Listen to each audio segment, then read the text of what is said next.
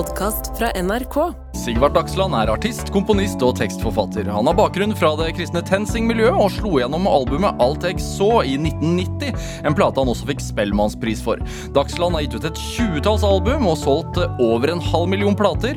Nå nærmer han seg 60 og feirer med jubileumskonserter landet rundt. Dette er Drivkraft med Vegard Larsen i NRK P2. Sigvart Dagsland, Hallo. varmt velkommen til Drivkraft. Takk skal du ha. Hvordan Oi. har du det? Jeg har det veldig fint. Avslappa og eh, har en fin periode nå og akkurat passe balanse mellom arbeid og fritid. Og er det noen dager på hytta i Oslo? Noen, noen dager på hytten, ja. Ja.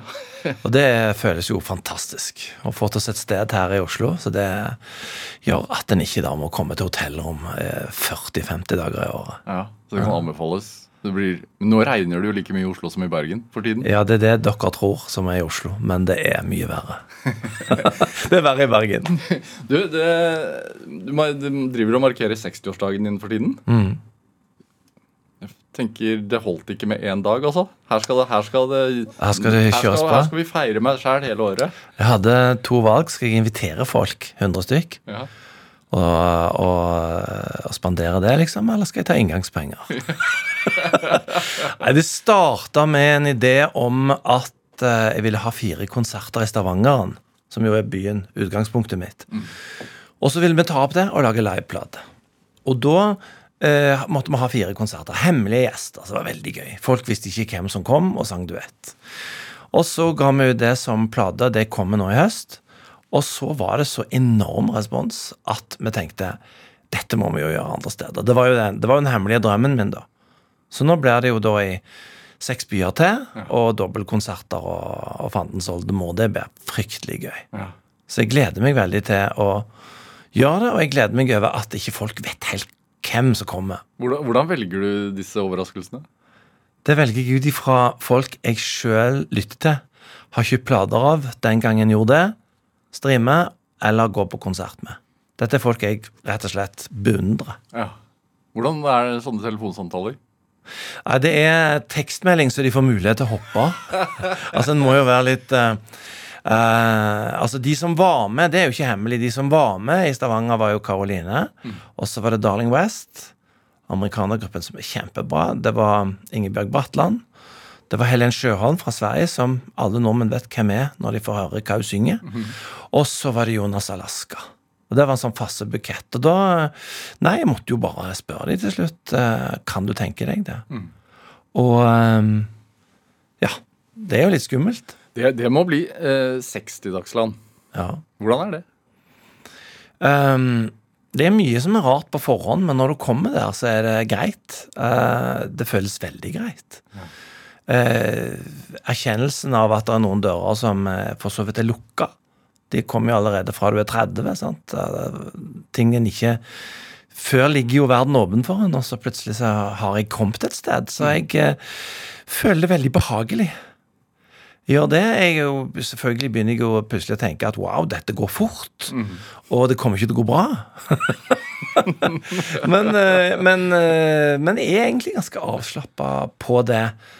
Syns det er noen ting som jeg har nå, som jeg, eh, tanker jeg tenker, og trygghet jeg har, som, som jeg ikke var i nærheten av tidligere. Altså, eh, og vice versa. Låter jeg har skrevet før, som jeg ikke kommer til å skrive igjen, og samtidig er veldig happy med at jeg skrev.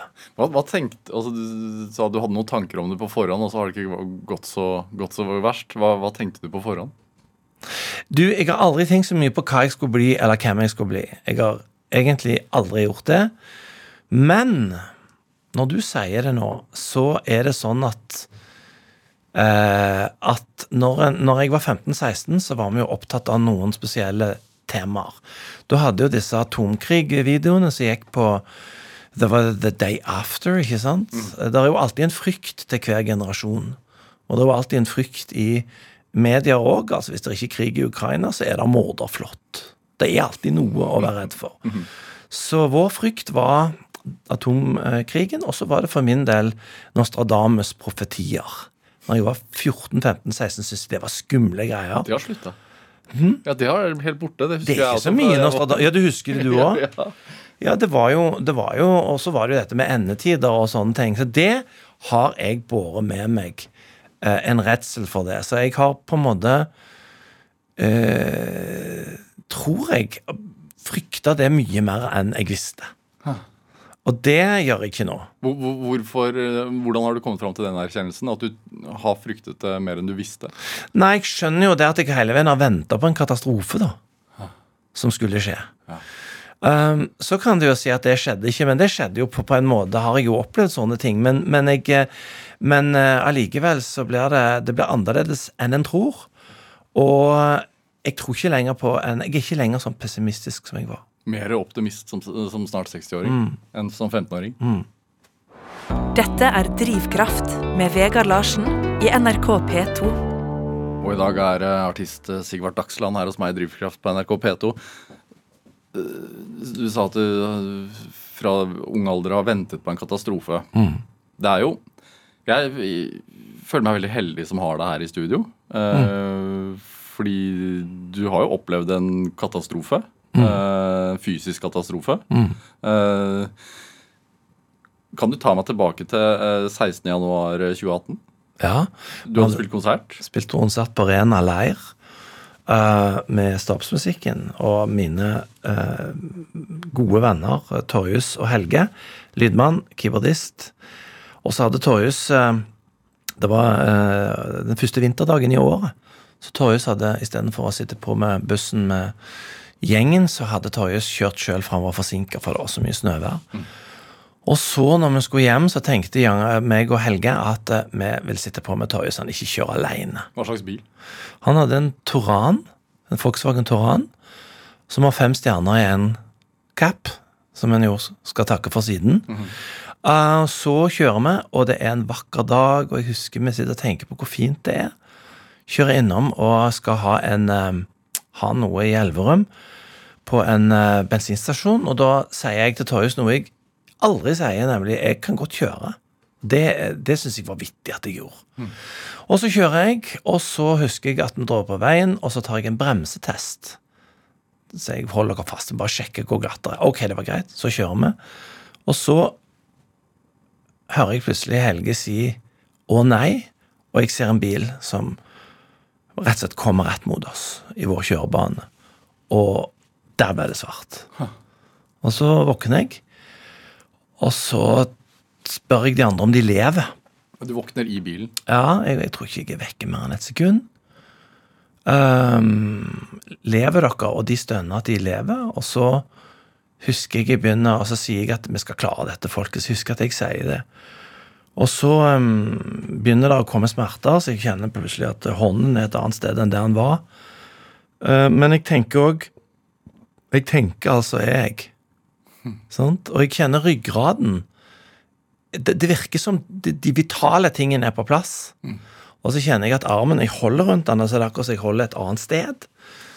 Og så flytter smertene seg rundt i hele kroppen, som jo det var mye. Og så hører jeg noen stemmer, da, sånne redningsstemmer, vet du, som spør hvordan det går, og de er på tråden med SOS-etater. og Hvor lang tid Altså, hva snakker Altså, de om? forteller at jeg, jeg blir sittende fastklemt i 45 minutter før jeg blir skåret løs.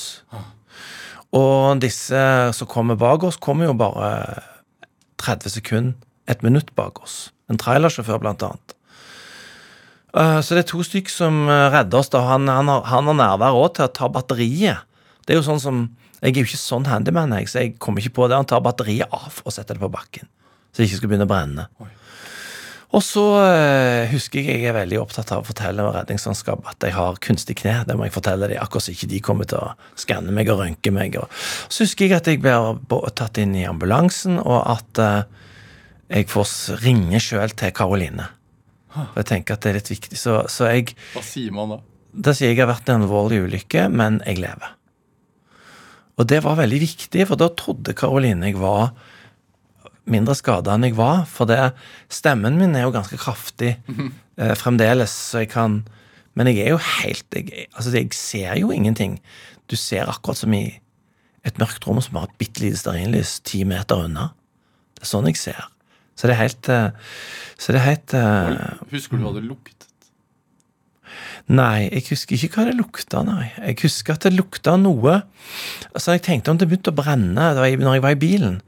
Men etterpå så husker jeg ikke noen lukter. Jeg husker bare de måtte, Jeg hadde fått eh, vinterjakke som var veldig solid, så de måtte klippe opp den.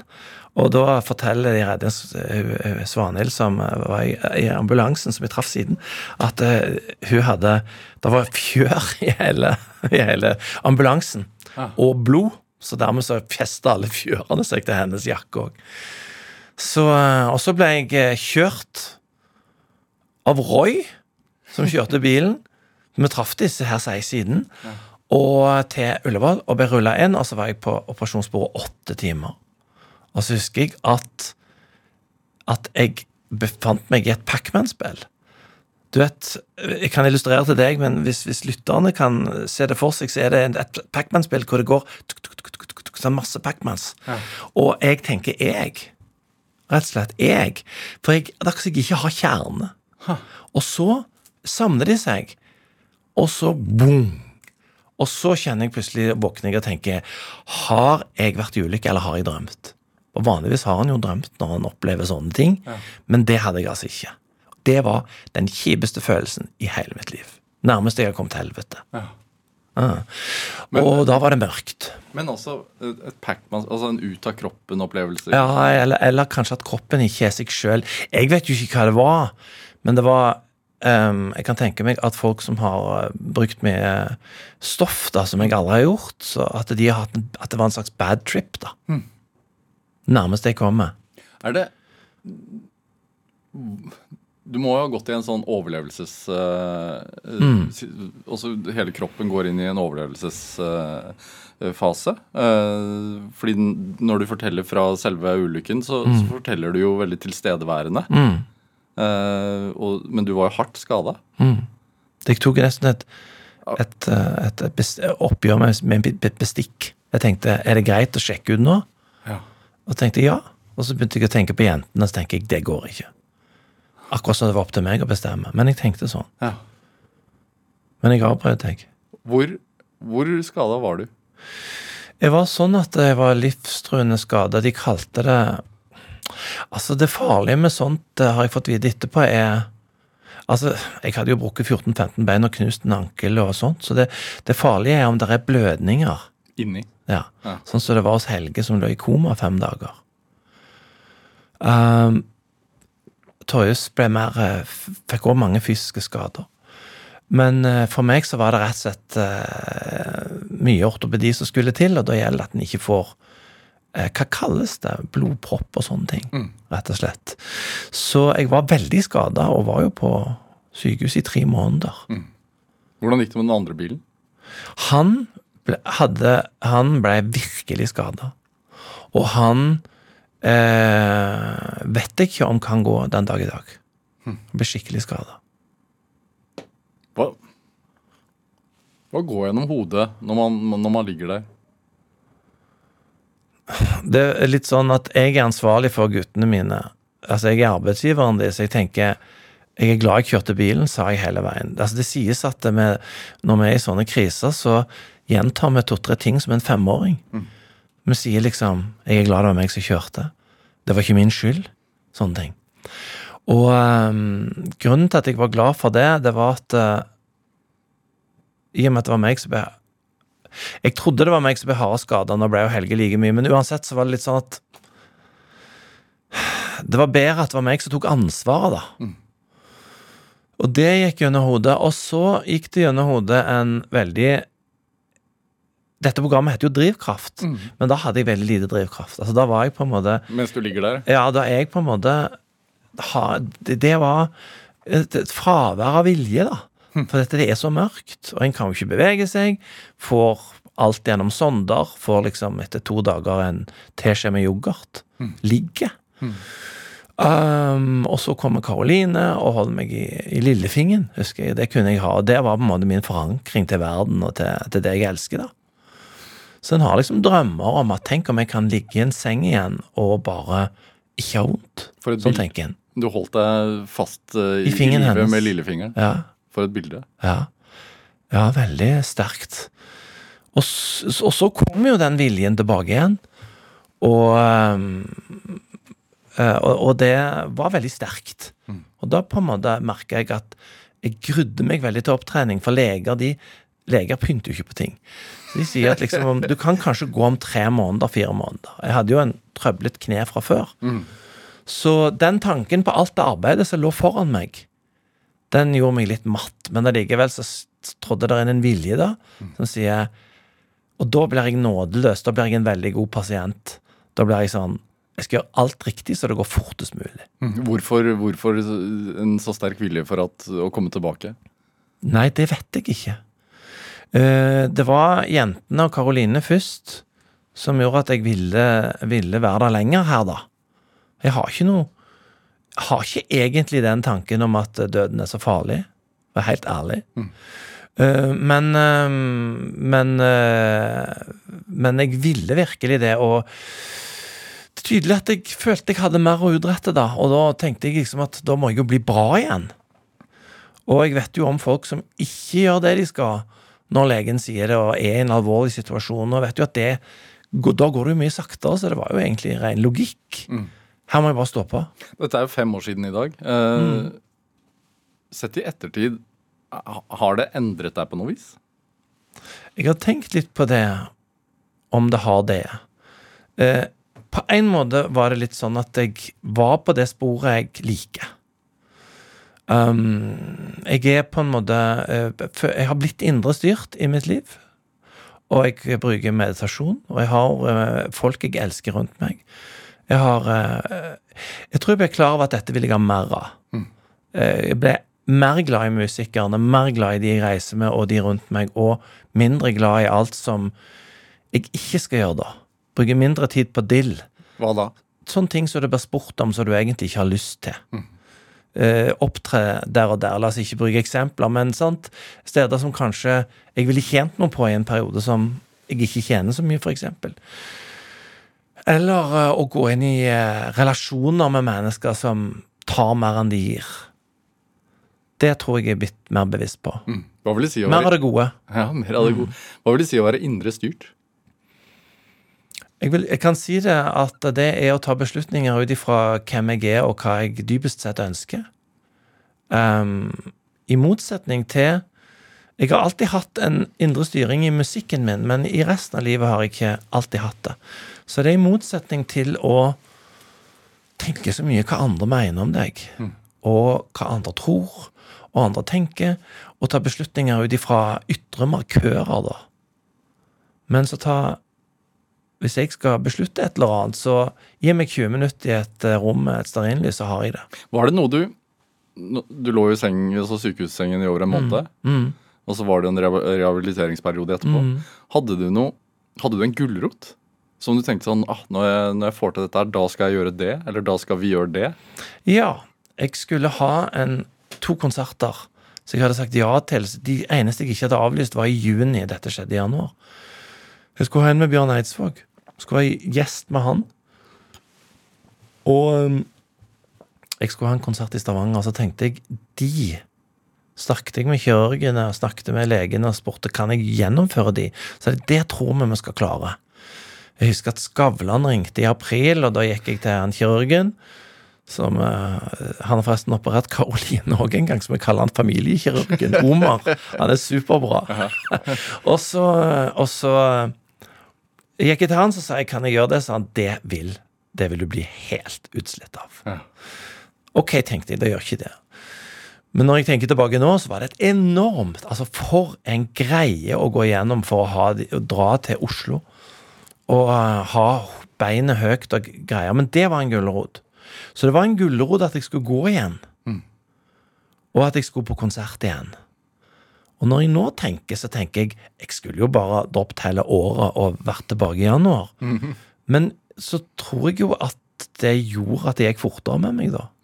Sant? Så det var jo Det er jo et løft som som var litt, litt voldsomt.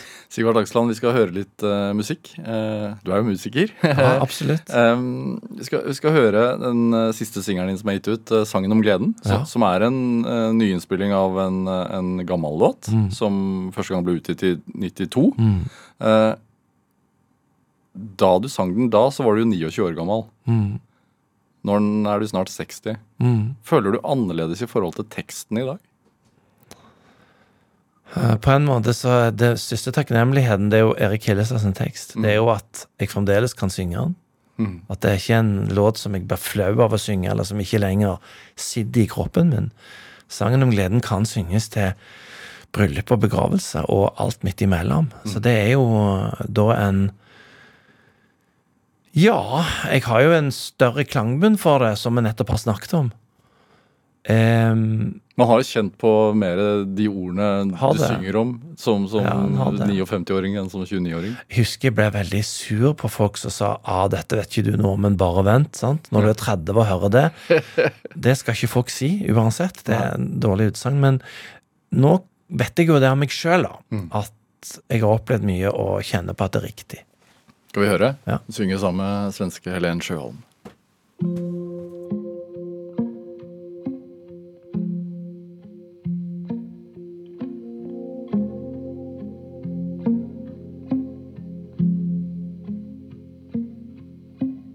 Du som ber om dagar utan sorg. Du som samlar lust och glädje för att hålla smärtan nere Du som jagar efter vin Du som tror du vokser uten tap. Du som aldri tar en sjanse.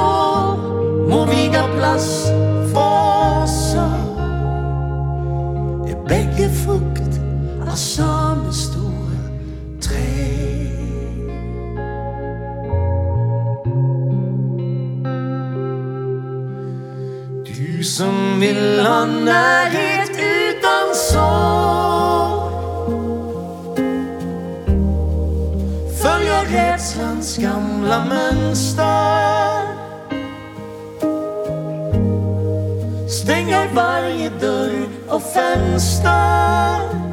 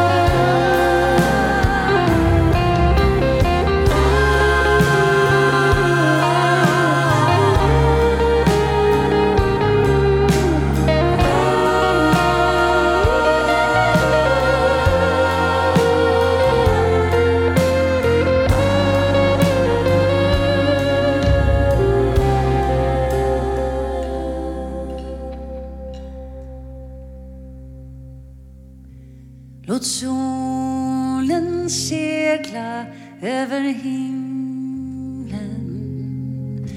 Från öster växer mörkrets land. Om glädjen sen får byta plats mot sorg ska båda föras ut av samma hand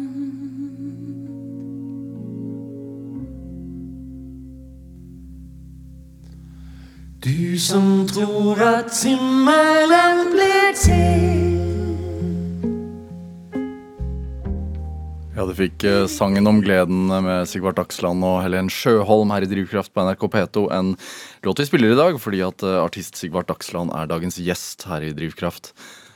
Eh, når vi sitter og hører på den her i studio, så, så eh, ga jeg et kompliment om hvordan du fremdeles eh, klarer å holde røsten din så, så bra. Altså, du synger jo på samme nivå nå som da du var 29.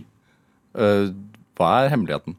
Hvorfor er, det ikke blitt, eh, hvorfor er den ikke blitt rusten, sånn som mange av de andre artister Nei, den kunne jo blitt det. Nå skal det sies at jeg kom jo halvannen tone høyere når jeg var 18 enn jeg gjør nå, men det er jeg veldig avslappa på. Jeg legger låter ned, og, altså inn en tone og sånt. Ja. Altså, jeg har eh, bestilt en aldring à la Baba Streisand og Steve Wonder. For de låter fantastisk når de er eh, gamle. Ja. Og jeg gjør ganske mye, for helt ærlig. Eh, når jeg var 22, så røykte jeg og drakk med begge hendene. Og tenkte ikke at det påvirka stemmen min. Og det gjør det jo av og til ikke helt i starten heller, men så kommer det jo. Så nå er jeg veldig obs. Kjører akupunktur, sove godt, bruke sånne blåserør en holder på med, og gjør Gå til behandlinger, all slags behandlinger. Så øh, fordi at jeg har jo en, et bein som gjør at jeg halter, og det kan forplante seg hvis en ikke er obs. Derfor er jeg en god venn av gode behandlere. Så det gjør jeg eh, jevnlig, og med stor glede. Og det påvirker jo resten av meg òg. Så, så det er som å gå på sats for deg på et vis? Det er faktisk det. Bra. Det er min sats. Mm. Jeg er ikke så veldig glad i å trene ellers. Men også 22 år gamle Kristendagsland røyker mm. og drikker med begge hendene? Ja, Ja. var jo sånn. Uh, det er sånn, og det, det er altså Ja, hvorfor ikke? Er, det, er, det, er du en, et menneske som ser bakover eller fremover? Ingen av delene, tror jeg. Jeg tror jeg er ganske mye her og nå. Er det meditasjonens skyld? Ja, den har hjulpet meg. Eh, Det er jo nå det skjer, liksom, så det er jo nå en kan gjøre mest med det. De gangene eh, jeg har tenkt for mye tilbake på ting Altså, noen ganger syns jeg det er spennende å tenke tilbake for å finne ut eh, hvem jeg var, og at jeg ennå har den, den karen eller den gutten med meg. Uh, men, eh, men alt i alt så er det her og nå som gjelder, altså. Det høres jo ut som en dårlig selvhjelpsbok, men det er jo bare sånn Jeg er jo veldig til stede akkurat her og nå. Hvordan var det i 92 da, da denne her kom? Hvordan var musikkmiljøet og, og Kultur-Norge den gang?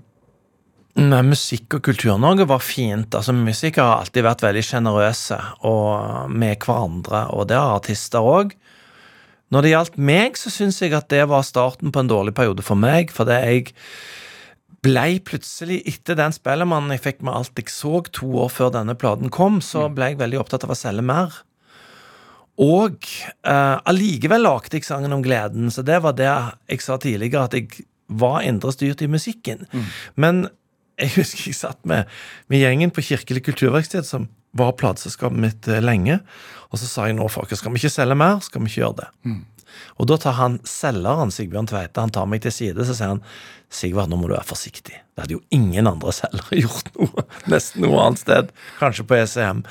Um, så da var jeg på vei et sted, og det var jo de harde 30-årene, vet du. Det er ikke tilfeldig at det er både billedlig tilbake og, og i vårt liv.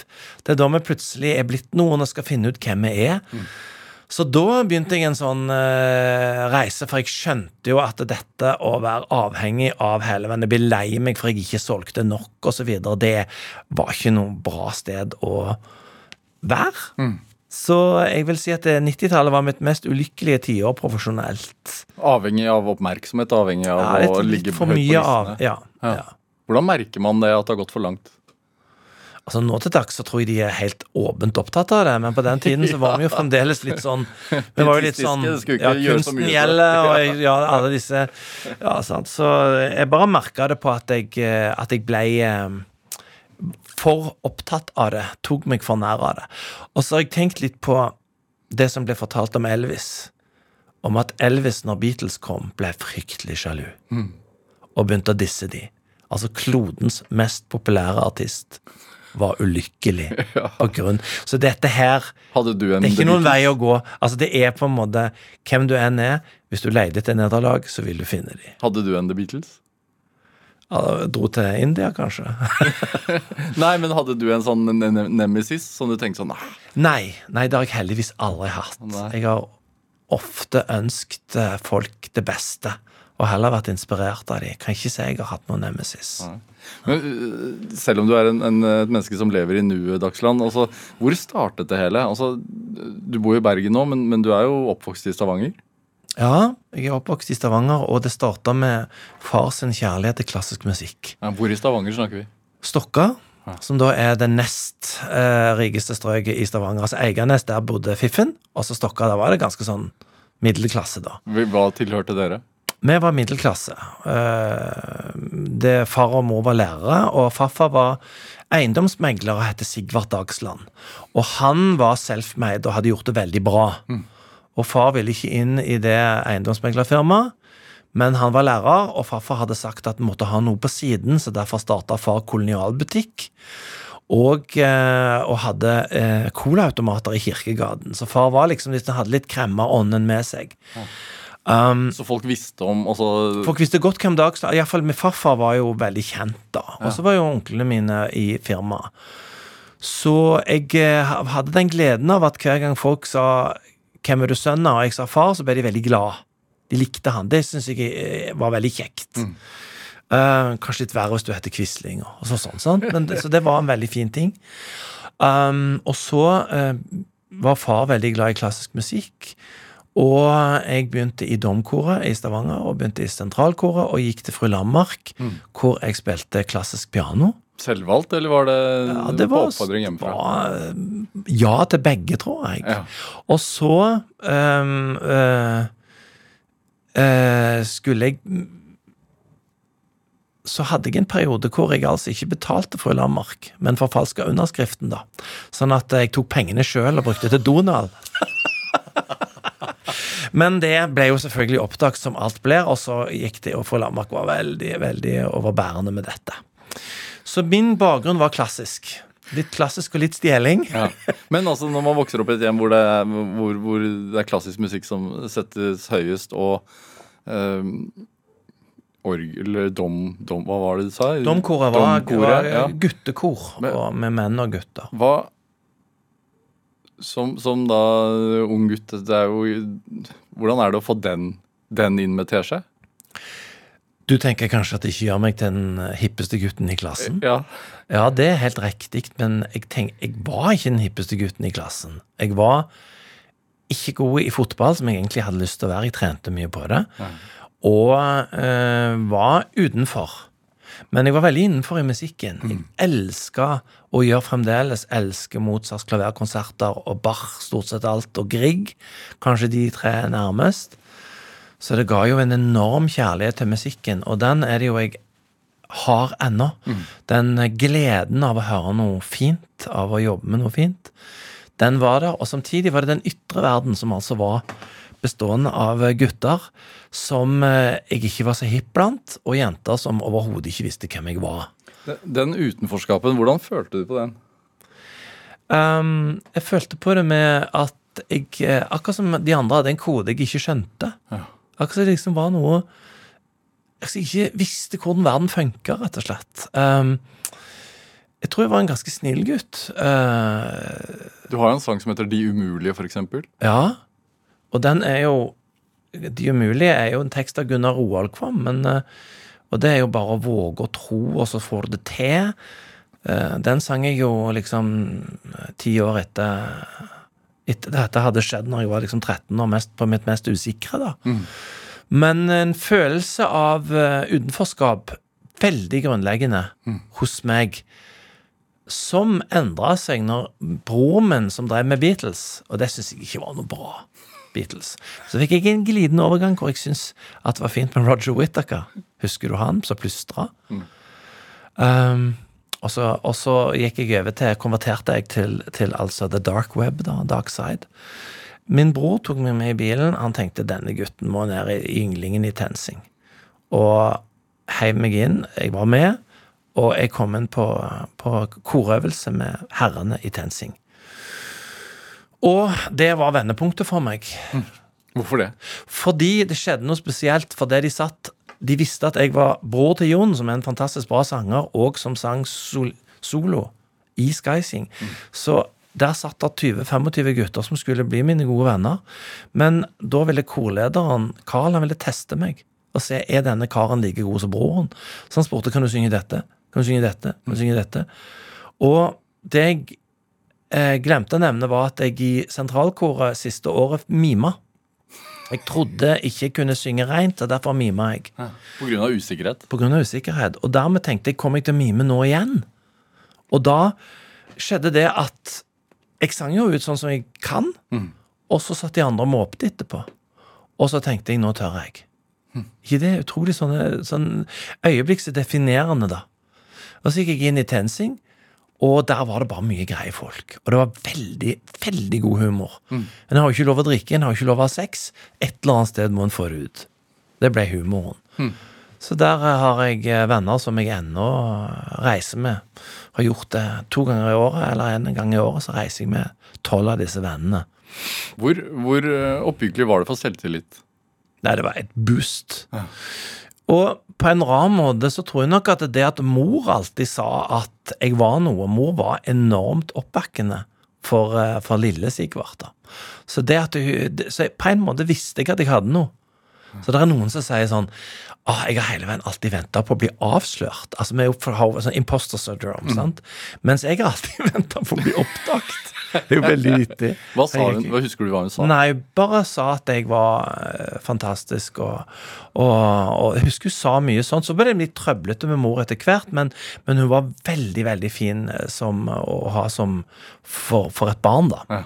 Og, og si liksom det.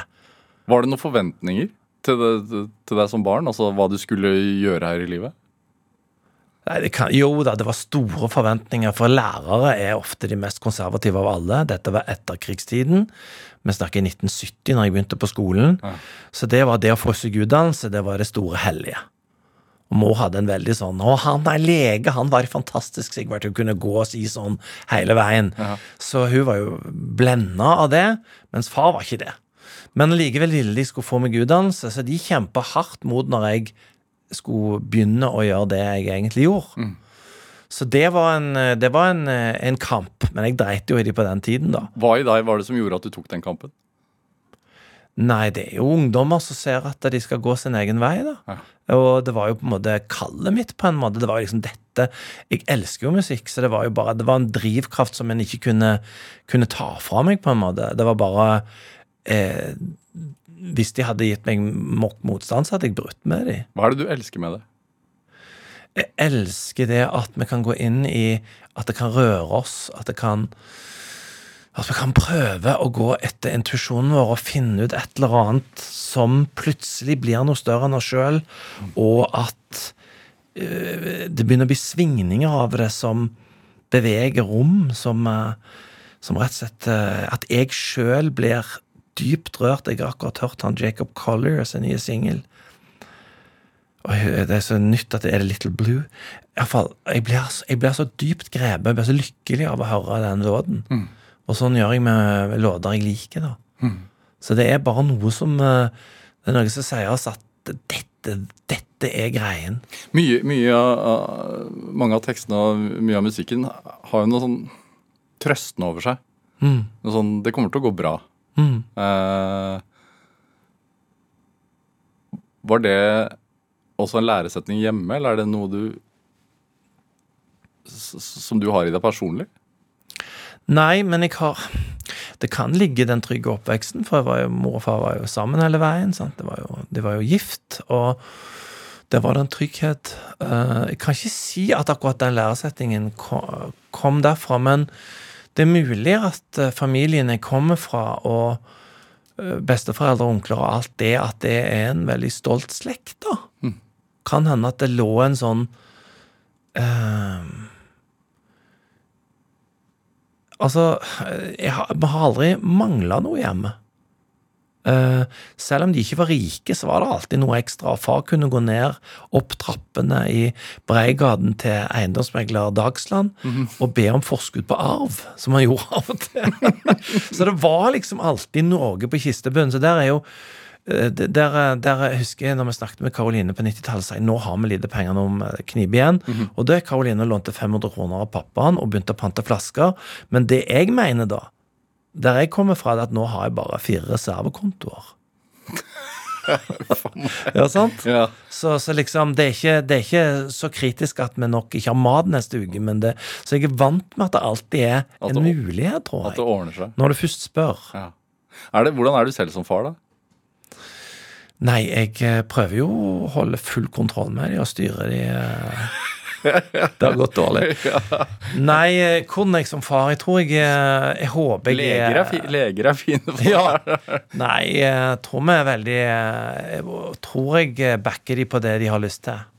Jeg ønsker at jeg har sagt til de at de Finn det du er god til, og gjør det. Gjør det skikkelig, hva det enn er. Det tror jeg nok ligger i familien vår.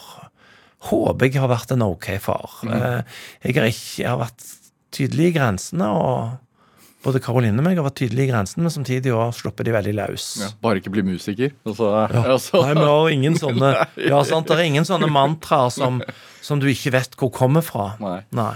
Um, alt jeg så, ble jo gjennombruddet ditt. Sånn Mm. uh, virkelig for den store offentligheten. Du hadde gitt ut uh, tre plater før det. Hadde det. Uh, hvorfor, hvorfor ble det en hit? Nei, det er nok fordi den var bra. Eh, altså, den eh, ble jo skrevet til min søster når Tore døde, sant, som var 39 år og døde av, av kreft. Eh, Svogeren din? svogeren min. Og den kom bare ut av intet eh, to-tre dager etter han var død. Eh, så det var en beskrivelse av hvordan hun kanskje følte det. Og så eh, Og så var det bare at den hadde, den hadde et driv som da gjør Bruker jeg ordet driv hele veien, tenker jeg dette heter jo drivkraft, men det, det er jo faktisk det som er ordet. Den hadde et, et driv som uh, tydeligvis eh, gikk litt av seg sjøl. Det er ofte sånn med låter som plutselig treffer at uh, en tenker ikke så mye, en bare skriver de, og så skrev Erik Hillestad resten av teksten, og så spilte man inn, og var akkurat som man Det akkurat som på en måte var ferdiglagt. Hvordan var det å fremføre den for henne? Skummelt. Fordi her roter jeg jo med folks følelser. Altså, jeg tenkte liksom Er, er dette litt drøyt? Mm. Og så spilte jeg den for henne, og så sa hun at hun syntes den var fin. Og så vet jeg jo da at vennene hennes og eh, til de til Tore og tenker på han når de hører han, og at de syns det er fint. Så det, det er jeg jo veldig glad for, da. Trøstende den også. Ja, er han det? Eh, det er en er, der er et dyrtema på slutten som jeg insisterte på. Jeg husker Paolo Venacci, den geniale trommeslageren som nå er død, var så mot at det skulle ende i dur. Alt jeg så, det er det svære durtemaet som kommer helt på slutten, det er lysets ankomst. Og det var så viktig for meg at det lyset kom. Skal vi høre? Alt jeg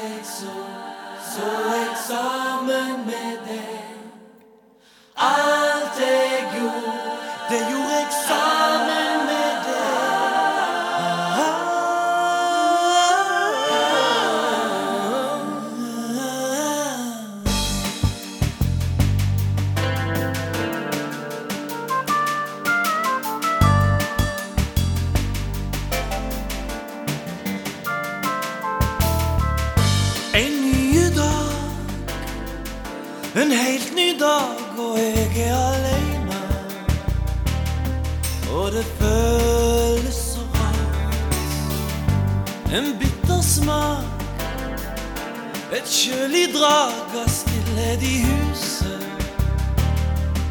Du er ikke lenger her. Dagene vi delte var så høye og blå. Nå siver tågen på. Alt jeg så, så jeg sammen med deg. Alt jeg gjorde, det gjorde jeg sammen med deg.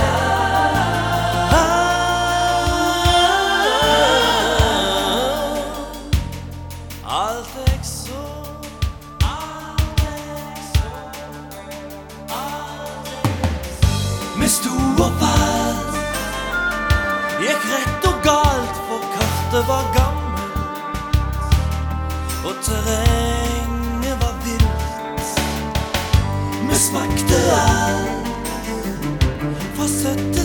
vi stjal oss en fabel. En roman med forvirra slutt. Dagene vi delte ble så gylne, så løv. Nå visner de til støv. Alt jeg så, så jeg sammen med deg.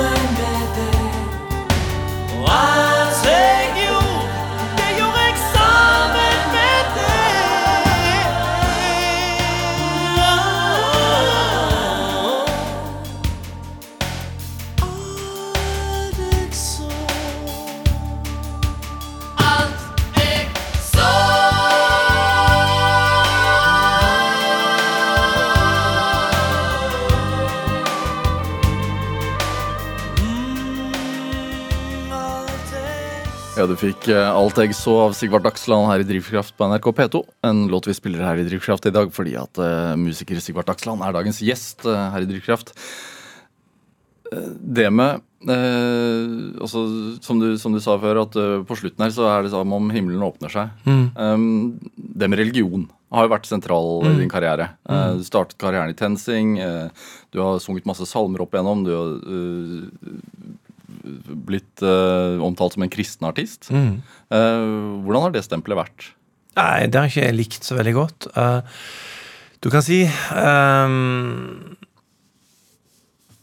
Altså, jeg kom jo inn i TenSing, og jeg var jo opptatt Og Bjørn Eidsvåg holdt på over ti år eldre enn meg, så jeg var veldig opptatt av han òg.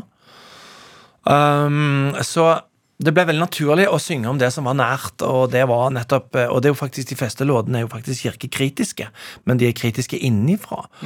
Og Erik Hillestad forsterka jo det, fordi han var opptatt av det. Det var han som skrev mange av tekstene. Det at de kalte meg kristen artist, følte jeg eh, blei Av og til så har jo pressen vært det mest konservative av de alle. sant? For dette pressen tenker ofte at ja, men du skal være i den båsen eller den båsen. Og Trenger et stempel. ja, og da ble det liksom den, det stempelet, da. Og det er jo klart, det er ikke noe gøy, for det, for det er jo ikke Det er akkurat som skulle kalt Anne Grete Preus humanetisk artist, eller et eller annet sånt. Det blir bare en ramme. Vi er jo Det poetiske språket handler jo om å åpne opp. Musikk òg handler om å åpne opp. Så, så jeg liker jo ikke ting som lukker. Eh, når det er sagt, så var jeg veldig opptatt av det, og veldig opptatt av å være med og få kirken i en retning som jeg syns var eh, riktig, i forhold til homser særlig. I forhold til å tenke at selvfølgelig er det ikke bare én vei fram til målet. Det er jo ikke bare på Kvitsøy de har svaret. sant? Det er jo... Så for meg så ser jeg nå tilbake på det som en viktig døråpner inn til det spirituelle liv, som jeg har nå. Så, så, så jeg ser på det som en døråpner som bare var veldig viktig. Og nå er jeg ikke så opptatt av det, jeg er mer opptatt av det spirituelle rommet. Mm. Hva er det spirituelle rommet? Det er på en måte å ikke ha dogmer, på en måte, når jeg prøver å avgjøre hvem jeg er, og, og når jeg styrer Oi sann, det kom borti mikrofonen her. Når jeg styres innenfra.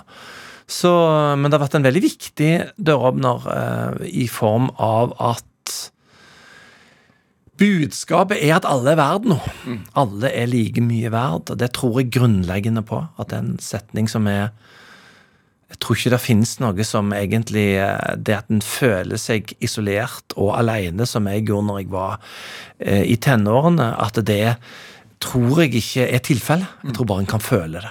Men er det, har de eh, dogmene i kirken som, som eh, en gang eksisterte, var det en utløsende faktor for at du eventuelt ikke ser på deg selv som kristen lenger?